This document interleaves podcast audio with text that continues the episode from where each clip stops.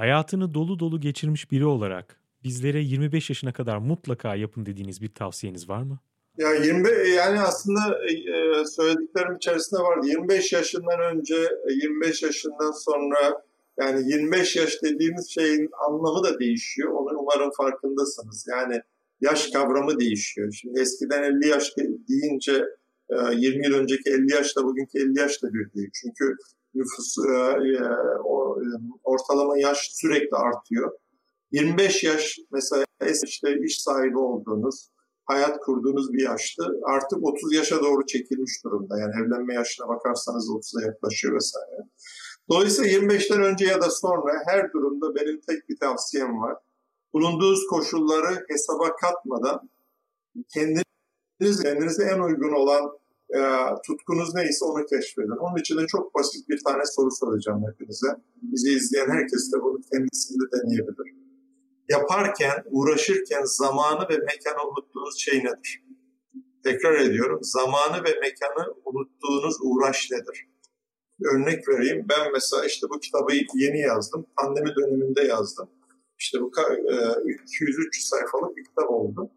E, ben bu kitabı yazarken yemek yemeyi unuttuğum zamanlar oldu. Yani sabah geliyorum bu ofise, burada oturuyorum saat 7'de 8'de, akşam yemeğine kadar hiç yemek yemeden üzerine yoğunlaşabiliyorum. İstatistik e, veri e, analizini çok seviyorum. E, e, sabaha kadar uyumadan onun üzerine çalışabiliyorum. Bu benim tutkum. Şimdi ben bunu nasıl buldum? Ben eski bir bankacıyım. 5 yıl bankacılık yaptım. Dünyanın en başarısız bankacılarından biriydim. E, mutsuz bir bankacıydım. Ankara'da ben de çalışıyordum. O e, bankacılık mesleğine girerken ne için girdim? İşte parası çoktur falan. Herhalde öyle girmişimdir bilmiyorum. Ama başarısız oldum.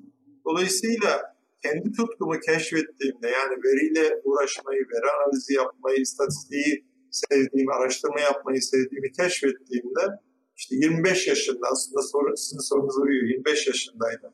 Ya dedim ki ben gidip doktora yapayım. Bütün etrafımda, ailem dahil herkes dedi ki yani burada bu kadar para kazanıyorsun. Tekrar öğrenci olacaksın. Akademisyenlikte o kadar para yok. Ama ona rağmen ben inandığım için kendi yolumda gittim. Fakat bütün bunların olması için tutkunuzu keşfetmeniz lazım. Tutkunuzu keşfetmek için de e, exploration yani araştırmanız, sorgulamanız, gezip görmeniz, okumanız lazım. Böyle durduğun yerde yani ben 25 yaşındayken bankada oturuyordum bir gün işte aklıma eski gidip araştırmacı olayım demedim. Farklı farklı uğraşlarla haşır neşir ola ola kendinizi keşfediyorsunuz. O yüzden yeniliklere açık olmanız lazım ki kendi tutkunuzu keşfedin. Yani aynı çevrede bulunup, aynı insanlarla konuşup, aynı kitaplara, aynı programlara, aynı şeyleri yapa yapa dar bir alana kendinizi sıkıştırırsanız kendinizi de keşfedemezsiniz. Tutkunuzun ne olduğunu da bilemezsiniz. Yani şimdi e, diyelim ki siz e, işte Gaziantep'tesiniz mesela. E, belki çok iyi bir piyanist yatıyorsun içinde. Bir piyano çalıyor musun? E, hayır bağlama çalıyorum. Ha, bağlama ne güzel. Şimdi mesela ben zamanımız olsa bunu ortaya çıkartırdık. Sen bağlamayı nasıl keşfettin değil mi? Bir gün sıra dışı bir şey yaptın. Dedin ki bunu alacağım, deneyeceğim, belki vardır. Yani belki içinizde bir ressam vardır, belki bir dans e, e, sanatları, görsel sanatlar bir şey vardır.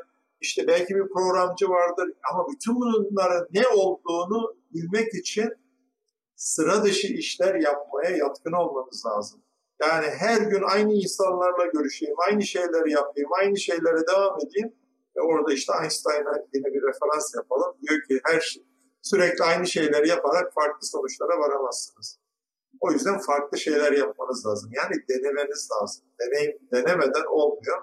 Farklı farklı deneyimlerin sonucunda bir gün bakacaksınız ki ha bunu denedim ve bak ben bunu çok seviyorum. Yani yemek yaptım.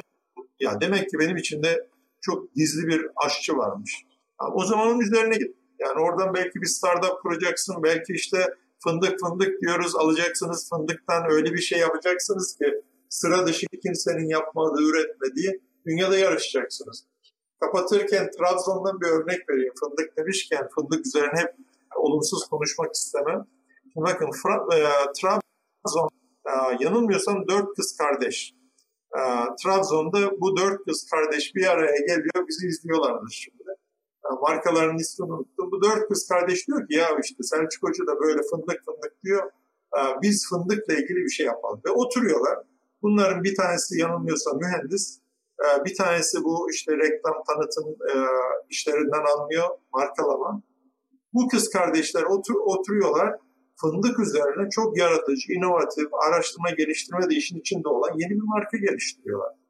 Ee, şimdi bu programdan sonra umarım altındaki yorumlarda yazarsınız. Trabzon'da bu arkadaşların yaptığı işleri herkes örnek alır, geliştirir. Yani koşullar nedir diye çok dert etmeyeceksiniz. Koşulları içe sayarak sıra dışı şeyleri deneyeceksiniz. Orada bulduğunuz bir tutkunun peşine gideceksiniz. Kim ne derse de fazla dert etmeyeceksiniz.